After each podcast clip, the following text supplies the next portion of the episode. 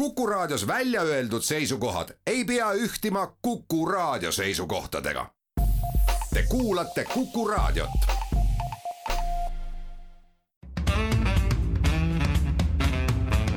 muuli ja Riikoja tere päevast, head kuulajad, ilusat jõuluaega, on reedene päev, kell on üksteist läbi ja pühadest hoolimata on Muuli ja Riikoja eetris. tõsi küll, viimast korda, Kalle Muuli, Hendrik Riikoja on Kuku raadio Tallinna stuudios. tere päevast. alustame tänast saadet äh, mitte nii väga pühadepäraselt, aga paratamatult koroona teemadega, sest et nädal on toonud meile jälle küllalt kõrgeid haigestumusnumbreid ja hulga uusi piiranguid eelkõige Tallinnas ja Harjumaal. teiseks räägime koroona teema jätkuna terviseameti kommunikatsioonijuhi kummalisest viisist oma töölepingu lõpetamiseks. nimelt läks ta äh, telesaatesse Kuu-uurija ja rääkis seal moonutatud häälega ilmselgeid valet, valesid Eesti Äh, valmiduse kohta koroona vaktsiini, vaktsineerimiseks. no kas valesid, see on nüüd vaidlemise kohe küsimus. ma saates sulle seletan. aga räägime kindlasti ka Kirjanike Liidu siseelust, nimelt on kolm noorema põlve kirjanikku, Sass Enno, Andra Teede ja Meelis Oidsalu Kirjanike Liidust välja astunud ja seda protestiks Kirjanike Liidu eesseisuse otsusele mitte visata oma ridadest välja esimeses kohtuastmes süüdi pedofiiliakuriteos süüdi mõistetud äh, Peeter Helme. ja viimaseks, saate viimaseks teemaks ja aasta viimaseks teemaks arutasime Indrekuga, et ega aastat siin midagi kokku võtta ei ole, sest me peaksime siis kordama saate esimest poolt, mis on koroona, noh, pensionireform ka veel juhtus selle aasta jooksul ja. no nipet-näpet oleks poliitilise kultuuri teemadest ka räägitud, rääkida läheks neid, kellel palju räägitud. et pigem püüame siis äh, vaadata ette järgmisele aastale, mis saab olema erakordne valimisaasta. abielureferendumiga on nagu on, et pole veel päris kindel, kas see tuleb, riigikogu ei ole sellist asja otsustanud. aga mis on kindel või peaks olema kindel, kui meie elus saab üldse midagi kindlat olla, on presidendivalimised ja kohalike omavalitsuste valimised. muuli ja Riikoja aga nagu lubatud, alustame koroona teemadega teisipäeva päeval äh, hakkasid järsku kaubanduskeskused äh, täituma äh, autodega, inimestega keset päeva, sellepärast et liikvele läksid kõlakad, et valitsus otsustab Tallinnas ja Harjumaal teha ka niinimetatud lockdown'i ehk siis panna kinni kaubanduskeskused, meelelahutusasutused ja kõik muu, sellepärast et Tallinna ja Harjumaa haigestumisnumbrid on viimastel nädalatel väga kiiresti kasvanud ja. ja on teatud ulatuses võrreldavad Ida-Virumaaga. teisipäev või siis ööle vastu kolmapäeva pärast kuueteisttunnist kabinetiistungit jõuti otsusteni.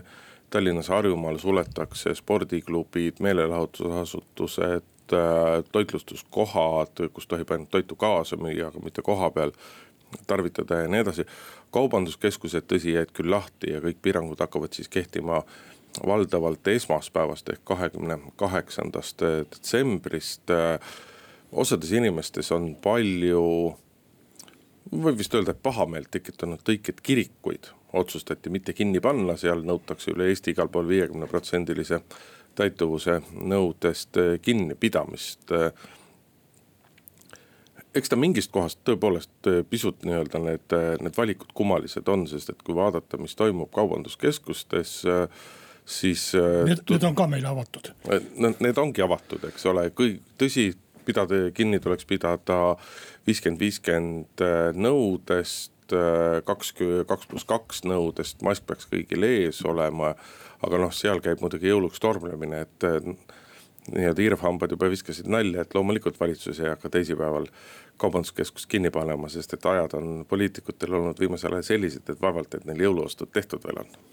nojah, no ma saan aru, et kui, kui kellelegi midagi lubatakse olukorras, kus kõikidele teistele on keelatud, et siis see tekitab sellist sinist kadedust ja, ja eriti kade on äh, millegipärast äh, mingi osa inimesi usklike peale.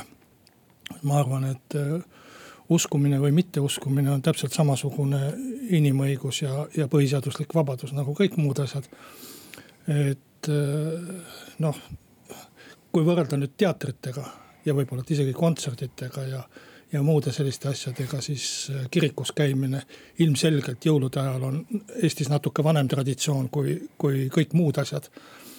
Ja, ja ma ei näe küll siin hirmsasti hakata vihast värisema, sellepärast et mina isiklikult ei saa tennist mängida, mida ma muidu teeksin. Ja see võib tunduda äärmiselt jabur, et ma kodus võin oma tütrega ühes toas istuda, isegi ühe söögilaua ääres istuda. Aga spordihalli tennist temaga mängima ei tohi minna, sellepärast et see on ohtlik, aga ma saan aru, et nii täpselt neid, neid piiranguid ei saagi ju kehtestada, et seal teadusnõukogus võib meil istuda ka eh, kuue professori asemel kuuskümmend professorit, aga kui sa pead otsuseid langetama kuueteist tunniga siis on selge, et need ei saa olla väga sellised juveliiritööd, et need on rohkem ikkagi kirve ja lauaga. et sa ei saa kooskõlastada ega ei saa detaile arutada aga noh, eks nad ole sisuliselt needsamad piirangud, mis on Ida-Virumaal siiamaani olnud, et äh, kaks piirkonda siis Eestist. rahvaarvult võib muidugi ütelda, et enamus Eestist, kui tahta nii ütelda, pindalalt mitte. Äh, aga kui kellelegi tundub, et see on nüüd mingisugune kohutav õnnetus, siis kindlasti tasuks külastada Riiat, Vilniust. muid selliseid äh, toredaid pealinnu, Londonit kasvõi, kuhu noh, küll kahjuks ei lasta, aga, aga ütleme niiviisi, et Eesti jõulud siiski saabuvad suhteliselt viisakates oludes, vähemalt väljapool Tallinnat ja Ida-Virumaad no isegi Tallinnas ja Ida-Virumaal ei ole see seis ju lõpuni nüüd äh, üle mõistuse hull, et loomulikult on see raske.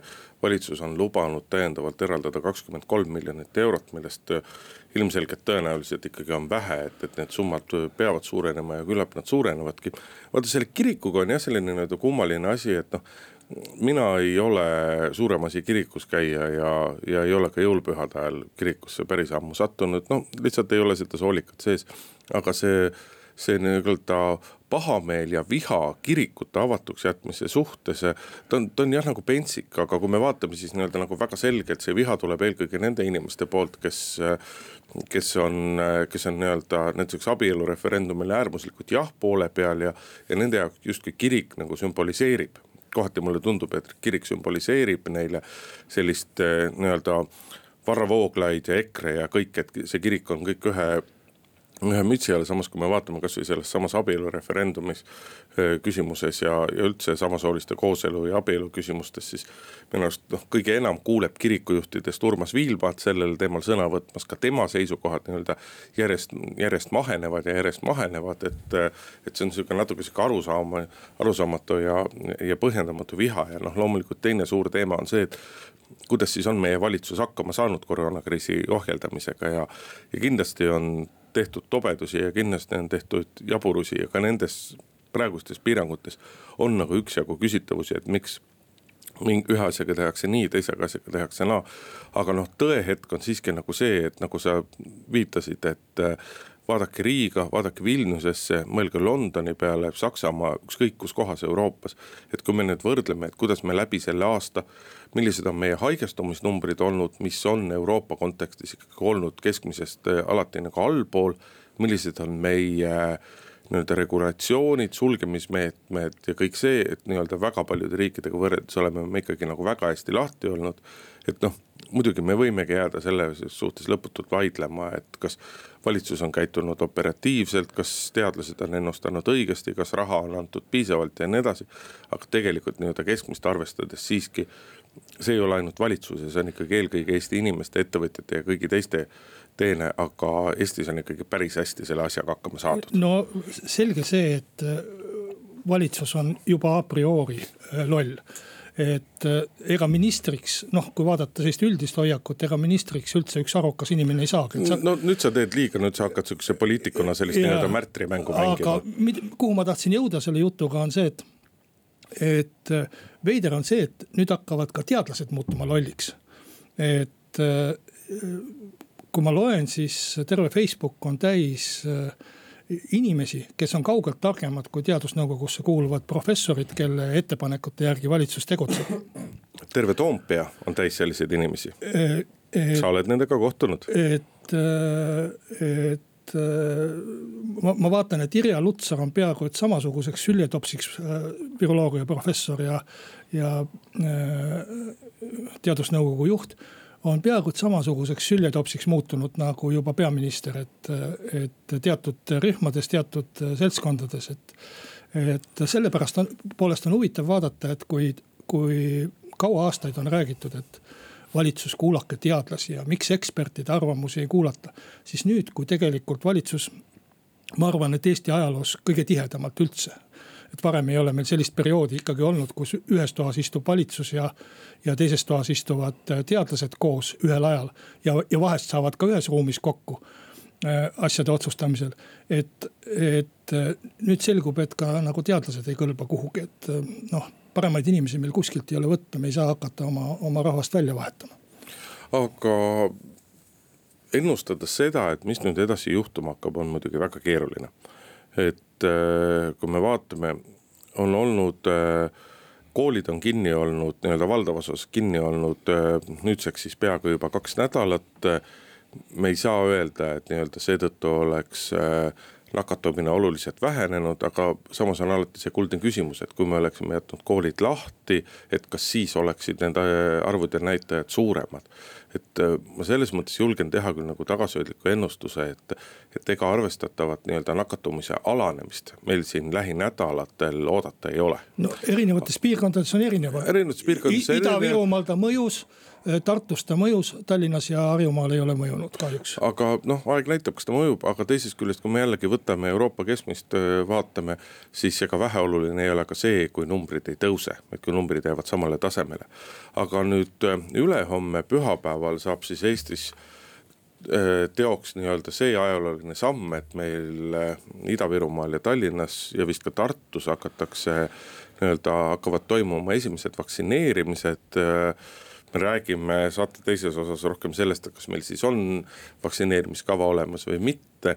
aga seda on ikkagi nii-öelda väga paljud inimesed oodanud nagu hingeõnnistust, et see vaktsineerimine algust saaks loomulikult ta ei lähe käima nii suure hooga, kui alguses loodeti ja sel lihtsal põhjusel, et äh, esialgu meil on praegusel hetkel ainult üks äh, nii-öelda Euroopa Liidu poolt äh, tunnustatud vaktsiin, millele on. ja, ja sedagi on vähe.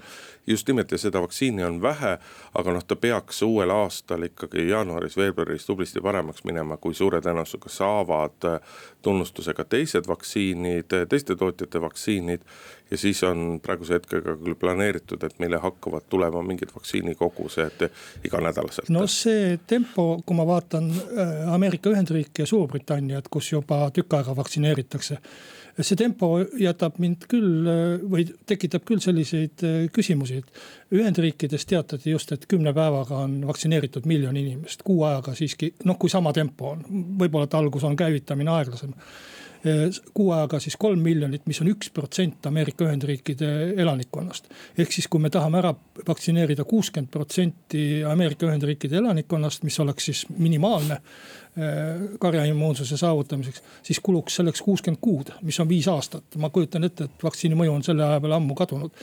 aga, aga noh, eks näis, kuidas need tempod Eestis hakkavad kujunema ja teistes riikides, et ega erinevad vaktsiin, vaktsiinid on ju ka erinevate säilitustingimustega ja erinevate äh, ilmselt ka vaktsineerimiskiirustega, kõiki ei ole vaja isegi kaks, kaks doosi vaktsineerida nagu seda Pfizeri vaktsiini ja mitut muud.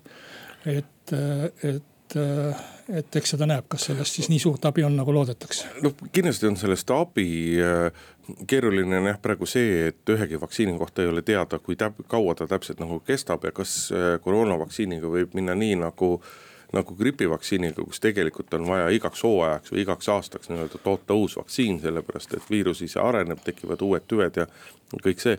aga see tempo kindlasti paraneb, ma arvan, et seda me nagu kartma meie, ei pea, et. meie, Indrek, üks asi, meie kõige suurem küsimus on, kuidas haiglad vastu peavad, et arstidega, arstide olemasolu on kõige suurem probleem praegu ja see on ka üks põhjusi, miks Harjumaal ja Tallinnas nii ägedalt ja, ja kiiresti ja ootamatult see Äh, täiendavad piirangud pandi, et äh, arstid esiteks jäävad haigeks ja teiseks isegi kui nad haigeks ei jää, nad on lähikontaktsed ja peavad kaheks nädalaks isolatsiooni minema, mis tekitab sellise olukorra, et ei ole arste võtta. et tekib nagu Leedus, et, et ei, ei ole võimalik inimesi ravida ja see on kõige suurem asi ja ma arvan, et selle vastu vaktsiin aitab. et äh, vähemalt meditsiinipersonali saab suhteliselt kiiresti ära vaktsineerida, neid nii väga palju ei ole, kes on suisa eesliinil. no see on see, jah, see on see detail, millest inimesed nagu aru ei saa, et, tihti tekib küsimus, et mis vahet seal siis on, et kas meil on neid nakatunud ööpäevas kolmsada, viissada, kuussada või kaheksasada. et ega tavalise inimese seisukohast ei olegi vahet, tegelikult praktilist vahet, aga probleem tekib haiglates, üks asi personal, aga teine asi ikkagi, et kui meil tekib mingisugune kriitiline kogus nii-öelda kriitilises seisus koroonapatsiente, siis hingamisaparaadid äh, nii-öelda eriosakonnad, erivoodikohad, et nendest lihtsalt jääb puudu, et, et me jääme, me jääme hätta inimeste ravimisega ja suremus võib kasvada väga suureks, aga, aga siin jah, vaktsiin võiks aidata. aga teeme siinkohal väikese pausi, kuulame ära pisut reklaami ja oleme siis eetris tagasi. muuli ja Riikoja Läheme oma saatega edasi, Kalle Mooli, Hindrek Riikoja on stuudios. avalikkus sai sellel nädalal näha ütleme järjekordset personali, personaliskandaali, personalikriisi taaskord terviseametis. ja kui ma ausalt öeldes vaatan, siis ega tegelikult nii-öelda erinevalt siin mingitest varasematest juhtumitest, kui Merike Jüriloo eelmine terviseameti juht ametist vabastati Anti ja veel mõned sealsete inimeste lahkumised, siis nii-öelda avalikkus ei ole väga selgelt nagu poolt valinud. et kes siis nüüd on siin õige ja kes on siis vale, et jah, ajakirjanike liit küll nagu teatas, et kuidas mindud on sõnavabaduse kallale. aga noh, ajakirjanike liidu väärtus kahjuks on selline, nagu ta meil on.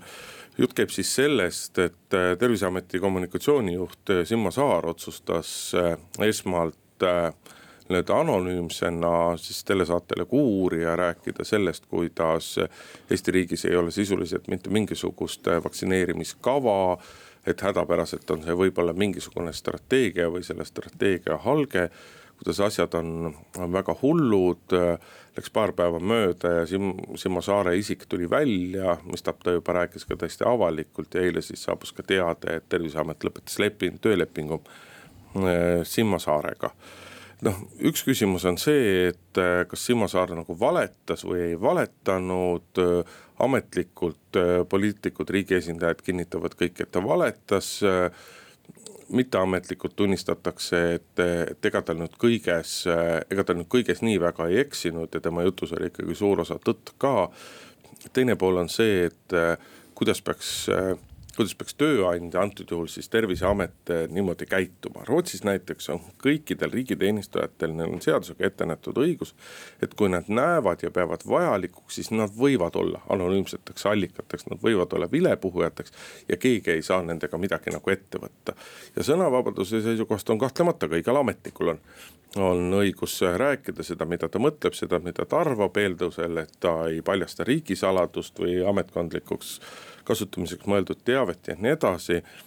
teisest küljest on jälle see kuldne küsimus, et äh, kas Simo Saar, äh, nähes, et on mured majas, kas ta kellega ta rääkis esimesena, kas ta läks Üllar Lanno juurde, kes on terviseameti no suhteliselt värske peadirektor, kas ta läks temale oma muret kurtma, kuidas oli see tema minu meelest käitumise ahel. anna andeks, anna andeks, ma katkestan sind.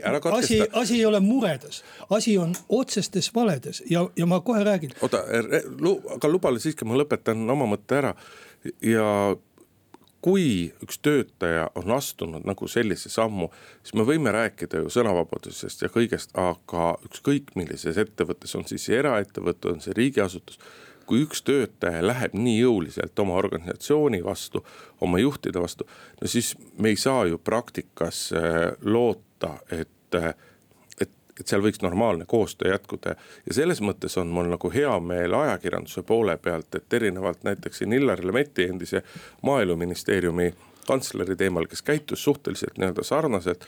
ja kus hakati siis rääkima sellest, kui ülla inimesega on tegemist ja kui palju talle on liiga tehtud siis seekord nii-öelda nagu Simo Saare osas nagu nii äh, nii radikaalseid seisukohti ei võeta, sest et oleme ausad, et üks töötaja mina ei ole kindel, et üks töötaja saab päris nii käituda, nagu Simo Saar käitus. no ma olen selles osas nõus, et ajakirjanik äh,, ajakirjandus on suhteliselt viisakalt äh, käitunud.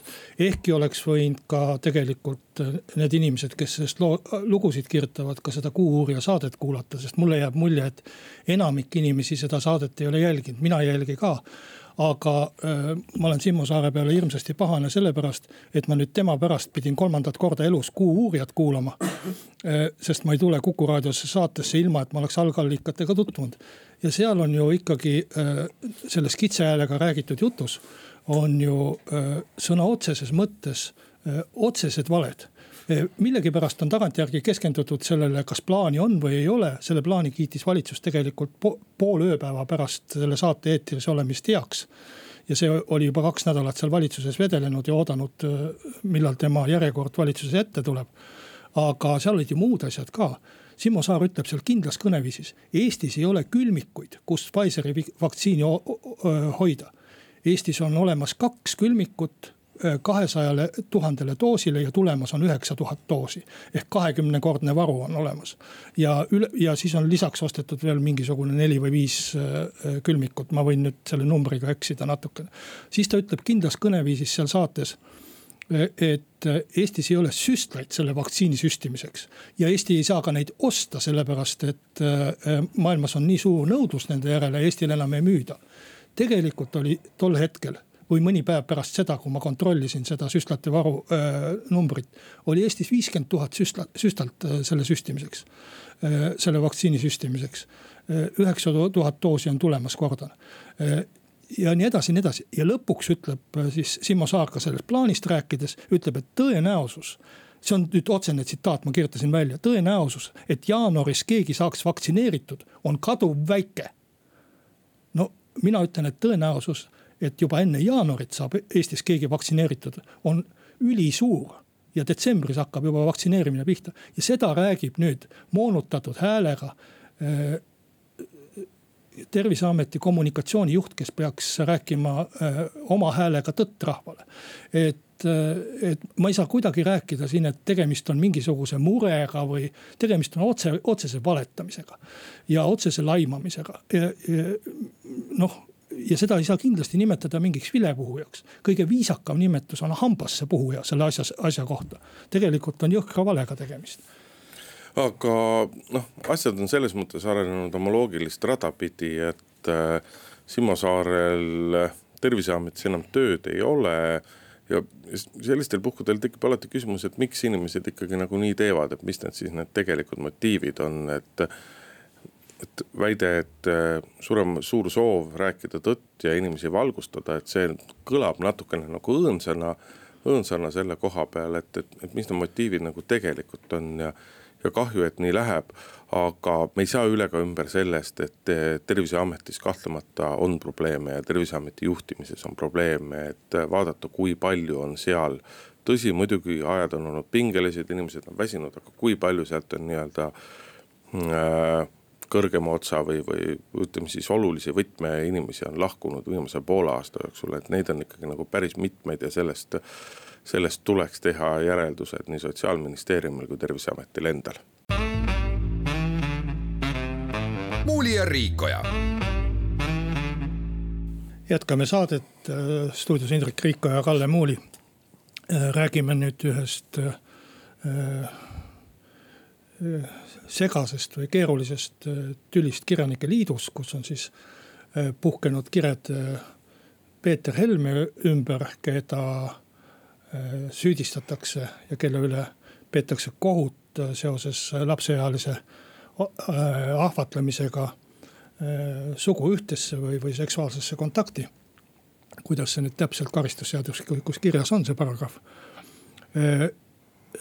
Peeter Helme on mõistetud esimeses astmes süüdi, kuid see otsus ei ole jõustunud, ta on selle edasi kaevanud. ja, ja äh, probleem on siis Kirjanike Liidus tekkinud selles, et Kirjanike Liit, Kirjanike Liidu juhatus siis, kes asja otsustas, ei arvanud Peeter Helmet liidu ridadest välja, ehkki paljud inimesed seda soovisid, kolm, teadaolevalt kolm liidu liiget on esitanud siis lahkumisavalduse protestiks ja teatanud ajakirjanduses eh, oma rahulolematustest eh, selle otsusega. noh, ametlikult nad vist lahkunud ei ole, sellepärast et see lahkumisavaldust alles eh, menetletakse ja, ja, ja tavaliselt võtab see natuke aega. aga, aga selline noh, moraalse hinnangu küsimus, et kuidas sellises olukorras käituda, kus kohus ei ole oma hinnangut andnud aga. Sa ei saa öelda, et kohus ei ole hinnangut andnud, ütleme siis meil ei ole jõustunud kohtuotsust. see on, see on õige ja, ja kuni ei ole jõustunud kohtuotsust, seni ei olegi kohus, kohtusüsteem oma hinnangut andnud, juriidilist hinnangut, aga peale selle on muidugi ka moraalsed hinnangud. et noh mis ma oskan ütelda, kui Peeter Helme oleks mõnes kõrges ametis, nii nagu oli Mailis Reps või nii nagu oli Aivar Mäe, siis selge see, et ta peaks sellest ametist äh, lahkuma. Äh, kasvõi selleks, et anda oma organisatsioonile töörahu, äh, anda iseendale võimalust siis vabade kätega oma juriidilist lahingut pidada. noh, samal ajal Peeter Helme, kes ta on, ma isegi ei oska ilma spetsiaalselt seda asja uurimata, no ma korraks vaatasin järgi enne saadet, millega ta tegeleb. aga niisama peast ei oskaks isegi ütelda. noh on... Os, oskad öelda, et ta on Vikerraadio endine saatejuht, et ta on kirjanik ja ta on Postimehe endine peatoimetaja. kõik on endine, kõik on endine, eks ju. et kuskilt enam nagu väga tagasi astuda ei ole. kirjanike liidu liige ta siiski endine ei ole, seal ta on täitsa ametis, aga noh, kui me hakkame kirjaniku liidu liikmeid niiviisi üksipulgi vaatama, siis siis äh, ma arvan, et äh, sealt tuleks rahvale väga palju üllatusi, kes meil kõik kirjanikud on. ja, ja eks see liikmeskond ole ka noh, olnud aegade jooksul selline, nagu on. kõige kuulsam võib-olla on, on äh, nendest tegelastest olnud KGB ridades ustavalt metsavendi peksnud ja piinanud Uno Laht, kes oli Kirjanike Liidu liige minu teada kuni aastani kaks tuhat kaheksa, mil ta suri, aga aga see selleks, et, et äh, päris huvitavad sellised äh, noh, võiks, võiks lõputult targutada selle üle, et milliseid hoiakuid võtta, aga kui ma tahaks kokku võtta endast sellest, eks see olegi iga inimese enda äh, sellise moraalse kompassi ja moraalse hoiaku küsimus, mille, millise ta siin võtab. ühest küljest ma mõi-, ühest küljest ma mõistan, aga ei mõista Kirjanike Liitu, et Kirjanike Liidul oleks teda välja heita keeruline just nimelt sellepärast, et juht-, jõustunud kohtuotsust ei ole aga kogu selle loo nii-öelda nagu kurbloolisus on see, et äh, ma ei hakka siinkohal seda tsiteerima, aga ajakirjandusest võib lihtsa otsinguga kõik huvilised võivad leida väljavõtteid äh, äh, väljavõtteid sellest kohtuistungist ja seal kohtuistungil avaldatud tõenditest ehk siis nendest vestlustest, mida Peeter Helme pidas ühele täiskasvanutele mõeldud. ma ei tea, tutvumis- või suhtlussaidil ja noh, ütleme see, need, need read, mida Peeter Helme on kirjutanud, need on rõlged, need on, need, need on väga ebameeldivad, need on väga vastikud ja jääb sügavalt arusaamatuks see, et kui üks inimene ei ole selliseid asju tegelikult teinud, siis miks ta peab selliseid asju kirjutama. ja põhjendus sellest, et ma lihtsalt ajasin nilbet juttu, sellepärast et see ongi koht, kus nilbet juttu aetakse, ei ole nagu tõsiseltvõetav, et et äh, vastutustundlik, normaalne täiskasvanud inimene ei aja sellist nilbet juttu. ja, ja, ja, ja selles mõttes tegelikult nii-öelda moraalsetele põhjustele tuginedes oleks võinud kirjanike liit ikkagi teha otsuse Peeter Helme oma ridadest välja arvatud minimaalne, mida oleks Kirjanike Liit võinud te teha, ta oleks võinud peatada Peeter Helme liikmelisuse kuni kohtuotsuseni. ja et selles mõttes oleks nii-öelda tehtud selline hundid söönud, lambad terved. aga mulle meeldib selle noorema otsa kirjanik ehk siis praegu teadaolevalt Sass Enno, Andra Teede ja Meelis Oidsalu nende nii-öelda see moraalne kindlus, et, et nad just nimelt annavad hinnangu, moraalse hinnangu sellele teole ja, ja sellist asja on kahtlemata Kirjanike Liidule vaja ja noh, kui me vaatame seda Kirjanike Liidu eesseisust kes otsustas hääletusel, hääletuse täpne tulemus ei ole teada ja ei ole ka teada, kes kuidas hääletas. eesseisuse inimestest, aga noh, selgelt nii-öelda äh, seal äh, annab tooni hoopis teine põlvkond kui need kolm inimest, kes praegu on nagu välja astunud no,. mina ei hakkaks Kirjanike Liitu äh, õpetama, mida Kirjanike Liit peab tegema, et kui ma selle liidu liige oleks, siis küll aga ma võiksin ette kujutada. sa oled mitu raamatut kirjutanud, oled sa mõelnud nende liikmeks astuda või? ma olen võib-olla üks kümmekond raamatut kirjutanud, aga kui sa küsid lihtsalt mõtet, siis ma olen paar korda mõelnud seda mõtet, aga jõudnud väga kiiresti järeldusele, et ma ei astu selle liidu liikmeks ma ei hakka siin pikalt seletama oma isiklikke motiive, aga, aga kui ma kujutan ette oma erakonda, Isamaad. noh, meil hiljuti oli üks juhtum, kus Viljandis üks inimene väidetavalt ka pani kuriteo toime. ta visati üsna kiiresti välja või õigemini ta lahkus vist ise, sunniti lahkuma või tehti ettepanek lahkuda. et, et ma arvan, et üks erakond, aga erakond on hoopis teistmoodi asi kui, kui loomeliit oleks ilmselt Peeter Helmest nii või teisiti vabanenud. kas ta oleks ise siis läinud või oleks ta välja visatud või mis iganes. ka enne jõustunud kohtuotsust aga küsimus on samasugune, tegemist on samasuguse nagu moraali küsimusega ja, ja kui, ja kui nii mõnelgi. erakond teostab ikkagi poliitilist võimu, ta on, ta on äh, valitsuskoalitsiooni osa ja, ja, ja nii edasi, aga. noh, valitsuskoalitsiooni osaks olemine ei tähenda veel reaalse võimu teostamist, aga, aga, aga, aga need moraalsed kompassid sellisel kohal võiksid küll nii-öelda minu arust ühtemoodi no, kehtida. mulle meenub isegi, et Hollandis on vist pedofiilide partei tehtud või oli see mingis teises riigis aga äh, igasuguseid äh, veidraid ühinguid võib olla. Äh, kirjanike liit on üks ja erakond on teine asi, aga, aga mis mulle küll juriidilisest küljest nagu ja hoopis laiemalt silma torkab, on see, et me kipume inimesi käsitlema kurjategijatena siis, kui nad veel ei ole kurjategijad. ehk siis sellest, sellest võib olla moraalne hinnang küll, aga aga ka, ka me nimetame neid kurjategijateks ja, ja sõna otseses mõttes leiamegi, et see kõik, mis on avaldatud kuskil Õhtulehes, et see ongi tõsi. ka siis, kui kohus ei ole veel kinnitanud, et see on tõsi. sa muidugi teed siin Õhtulehele liiga, aga, aga olemuslikult on see ja, õige. ma ei oleks pidanud mainima ühe väljaande nime, et, et ma tahtsin ütelda lihtsalt, et kuskil ajalehes.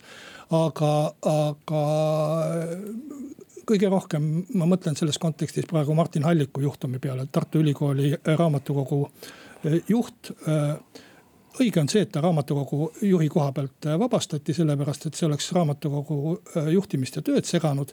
kogu see viieaastane protsess. aga kui riigikohtus selgus, et ta ei ole kurjategija ja ta ei ole pannud seda tegu toime, milles teda süüdistati viis aastat ja mille tõttu te, kogu tema elu tegelikult hävitati. mis me siis nüüd teeme?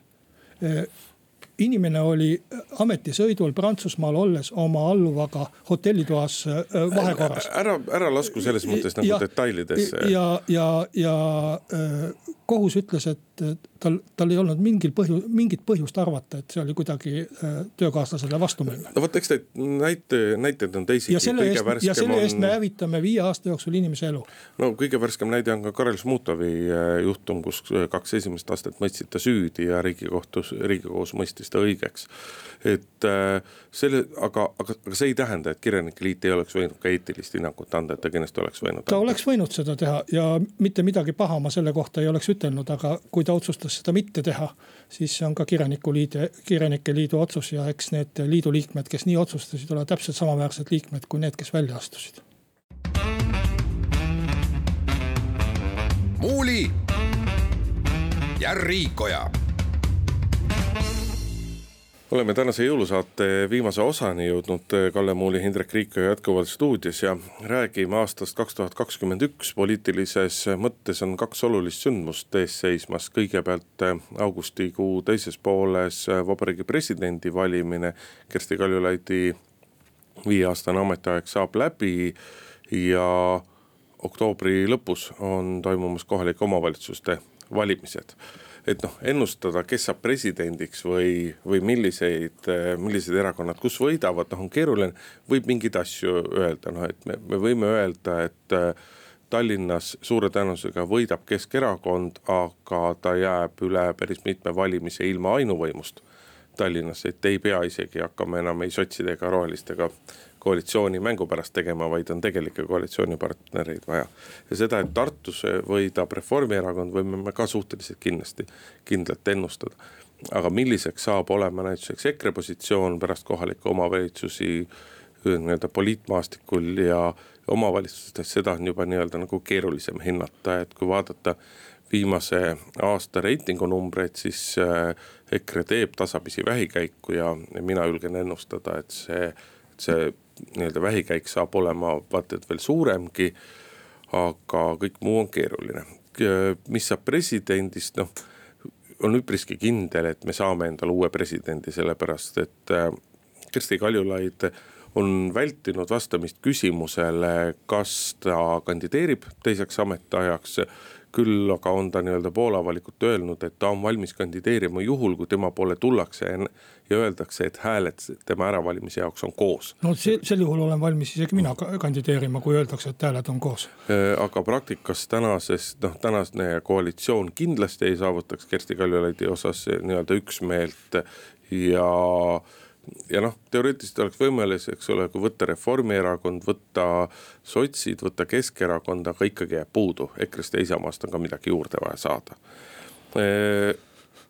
kes presidendiks saab, noh seda Kalle tõenäoliselt sina võib-olla oskad nagu kõige paremini öelda, sest et valitsuskoalitsioonis on nagu põhimõtteline ma ei, ma ei julge seda nimetada kokkuleppeks, aga põhimõtteline teineteise mõistmine, et vaadates, kuidas kõrgeid kohti on äh, seni jaotatud, et siis peetakse nagu loomulikuks justkui, et äh, et, et Isamaa on siis see, kes teeb äh, presidendi või et noh, et Isamaa otsib ja ja üksikute eranditega tõenäoliselt Isamaa kandidaat saab ka koalitsioonikandidaadi, teiste koalitsioonipartnerite toetuse, aga kas nii-öelda sellest piisab presidendiks valimiseks, seda on keeruline öelda. suure tõenäosusega riigikogus ikkagi presidenti ei valita ja ta läheb valijameeste kätte. noh siin oli juttu mõlemast, nii kohalikest omavalitsustest kui presidendist räägime eh, kordamööda, et eh, ma arvan, et, et eh, presidendivalimised saavad olema suhteliselt keerulised, kuna valitsuskoalitsioon riigikogus ja, ja, ja samal ajal ka valijameeste kogu, kuhu tõenäoliselt valimised lähevad ei, ei kattu päris üks-ühele ja võib äh, olla seal äh, selliseid seise, et on võimalik jälle läbi kukutada, nagu e-, eelmisel korral see juhtus, et äh, kuna seadust ei ole muudetud ja see jabur pügal, et mitte hääletanute hääled on ka justkui nagu hääled see on muidugi viimase viie aasta poliitikute nii-öelda üks suuremaid, suuremaid vigu, et, et presidendivalimiste korda ei tehtud. see teeb korda. selle valimise keeruliseks, sest iga poliitiline jõud võib siis jääda lootma selle peale, et ta kukutab vali, valijameeste kogus äh, kõik asjad läbi.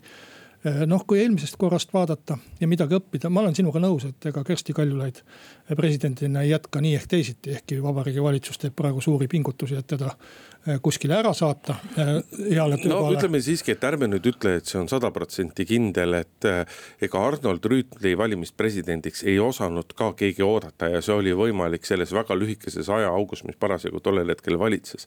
et on nii-öelda nagu erinevaid, on võimalik teha erinevaid skeeme, erinevaid arvutusi, millega Kersti Kaljulaidist saaks uuesti Eesti Vabariigi president. kõik on maailmas võimalik, ma olen nõus. ja sellega. see ei oleks kindlasti halb valik, see oleks päris hea valik. aga see on, kui kasutada nüüd Simo Saare sõnu, see on kaduvväike tõenäosus. jah, sellega ma olen nõus. aga äh, väga palju, ma arvan, sõltub selles olukorras EKRE-st, nagu meie viimase aja poliitikas üldse.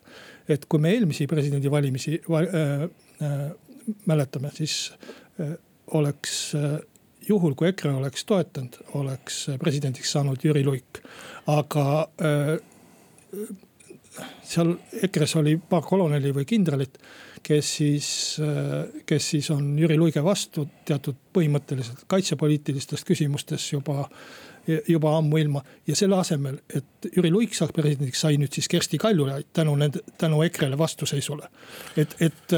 ja suure tõenäosusega tänu EKRE vastuseisule ei saa ka järgmisel aastal Jüri Luigest presidenti. et ma mõtlen selle peale, et võib-olla võib-olla EKRE nagu äh, saab aru, et millised variandid on äh, meil jälle siis laual, juhul kui, kui äh, kuulatakse paari koloneli või paari kindralit. Et kas siis Kersti Kaljulaid tõesti nende vaatest oleks olnud parem president.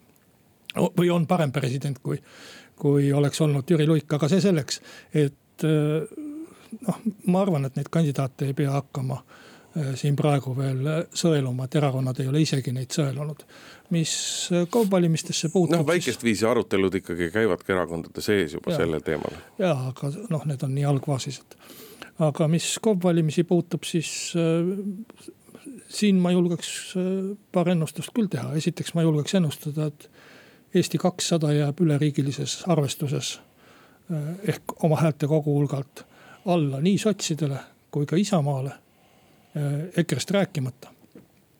Ehkki reitingud näitavad, ma ei tea, mis imenumbreid. ja noh, ma arvan, et, et oleks hea, kui Tallinnas ja, ja Tartus võim vahetuks aga äh, sest demokraatias oleks nagu äh, see hädavajalik, et aeg-ajalt ikkagi tube tuulutatakse ja sahtlitest asju välja tõstetakse. no suure tõenäosusega võim vahetubki, aga nii-öelda selle öö, uue võimu peamine osaline on seesama, kes siiamaani, ehk siis Reform Tartus ja et, Keskerakond Tallinnas. et see on jah kummaline, et, et ilmselt need omavalitsused on ikkagi nii suletud üksused, et seal kipub tekkima selline Äh, ühe partei ainuvõim, et seda on paljudes kohtades ju näha olnud Haapsalus pikka aega ja. ja Narvas ja Ida-Virumaal ja igal pool, et. Äh, jah, aga samas sa pead tunnistama ka sellest, et kui üksikutes kohtades ongi võim vahetunud, on see siis Narva või on see siis Haapsalu või mõni muu teine kohalik omavalitsus. siis me ei saa takkajärgi öelda, et selleks oleks tohutult palju head sündinud või seda, et oleks mingid diametraalsed muutused. täpselt seda ma tahtsingi ütelda, et ega sellest äh, väga palju sellest kohalikku elu kontekstis ei muutu, kui seal inimesed või, või, või mingi, mingisugune väike liigut- või üks inimene asendub teise inimesega, aga ma arvan, et kõige tähtsam küsimus nende valimiste puhul ei olegi võib-olla, et see presidendi isik või, või kohaliku omavalitsuse võimu vahetamine, vaid küsimus on ikkagi sellest, mis vabariigi valitsusest saab, kuidas koalitsioon püsib, sest valimised tavaliselt lõhuvad ikkagi valitsust ja valitsusliitu väga. erakonnad peavad valimiste kampaania ajal näitama oma erisusi peavad vastanduma ennast äh, noh äh, sisuliselt öeldes teineteisega tülli minema, nii et selles mõttes ma arvan, et eelolev aasta saab olema selline. Juhul, kui valitsus jääb püsima, on see ikkagi Jüri Ratase meistriklass sellistes tõmbetuultes, kus on ootamas abielureferendum ja, ja presidendivalimised ja kohalike omavalitsuste valimised. et kui järgmise aasta lõpu saates me saame öelda, et Jüri Ratas on endiselt peaminister, et siis ta on Eesti üks äh, uuema aja ikka üks kõige kõvemaid peaministreid, sest peaministri põhiülesanne. tavaliselt küsitakse, et mis see peaminister teeb, juhib koosolekut seal või Mini,. ministeeriumit tal ju ei ole ja ta ei saa ka helistada ühelegi ministrile ja anda korraldusi, sellepärast sellist volitusi tal ei ole. peaministri põhitöö on valitsuse kooshoidmine ja valitsuse töövõimelisena hoidmine, et valitsus suudaks otsustada ja et suhted oleks sellised, et, et töö sujuks ja kui ta sellega hakkama saab eeloleval aastal, siis see minu meelest on ülikõva. kui nüüd meediamajades need inimesed, kes erinevaid raadiosaateid refereerivad, tähele ei pannud, siis ma juhin tähelepanu, et Kalle Muuli, Isamaaliidu liige, justiitsministri nõunik, ütles meil pisut vähem kui minut aega tagasi sisuliselt, et suure tõenäosusega see valitsus sellises koosseisus pärast kohalike omavalitsuste valimisi ei jätka. aga raske on sulle, Kalle, vastu vaielda, sest et see tõenäosus on tõesti suur. aga see, miks kohalikes omavalitsuses juhtub niimoodi, et isegi kui võim nii-öelda nagu vahetub, et siis Äh, et siis äh, et siis midagi ei muutu, siis see tuleneb nagu väga lihtsast asjast, et kui, et kui Toompeal suures poliitikas inimesed avalikult kaklevad, aga muul ajal äh, saavad nii-öelda inimlikul tasemel normaalselt läbi, sellepärast et äh, vaidlused käivad nii peamiselt maailmavaatelistel tasanditel, siis kohalikes omavalitsustes ei mängi parteipoliitika tegelikult nii suurt rolli, sellepärast et eesmärgid, mida saavutada tahetakse, on sisuliselt kõikidele poliitilistele jõududele noh, valdavas üheksakümne viie protsendi ulatuses samas. ja pigem on küsimus just nimelt nii-öelda nagu isiklikes läbisaamistes, et, et olgu koalitsioon milline tahes, on see siis Kohilas, Tapal või või, või, või, või Otepääl, siis neid neid asju, mida kohalik võim tegema peab, need asjad on ikka ühesugused. ja, ja, ja sealt ka see põhjus, et miks koalitsiooni muutus midagi, midagi ei muuda. aga mis nüüd puudutab jah seda, et äh, mis saab Eesti kahesajast, see toetus kuidagi on nagu kerkinud neil viimasel ajal väga suureks. no ma julgen siiski ennustada, et üleriigiliselt nende toetus nii-öelda summaarselt kindlasti viite protsenti ehk riigikogu valimiste mõistes seda valimiskünnist siiski ei ületa. näidaku need reitingunumbrid praegu, mida nad tahavad ja noh, see põhjus on väga lihtne, neil on neil on mingisugune lootus mõnes üksikus suuremas omavalitsuses.